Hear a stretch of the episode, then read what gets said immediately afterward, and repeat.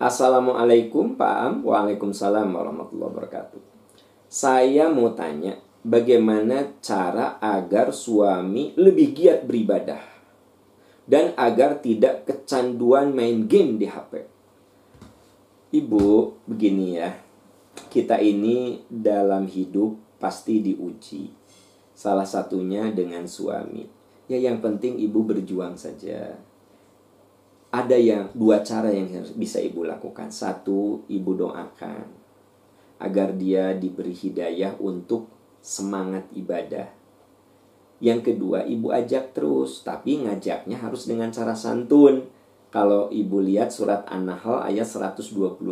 Ud'u ila sabili rabbika bil hikmati wal mau'izatil hasanah wajadilhum billati ahsan. Ajaklah ke jalan Tuhanmu dengan ilmu dan kearifan dengan kata-kata yang bagus ya. Nah jadi ibu tetap dengan kalimat yang bagus dengan kalimat yang santun dan ibu doakan agar dia berubah. Hanya itu ikhtiar ibu.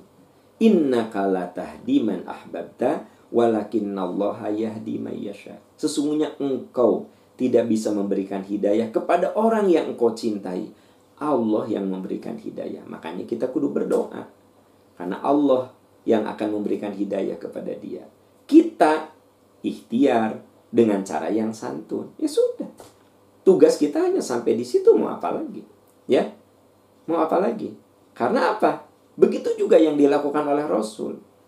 Mengajak, mendoakan, mendoakan, mengajak, mengajak, mendoakan. Ujungnya ya serahkan pada kuasa Allah. Begitu. Ya. Wallahu a'lam bissawab.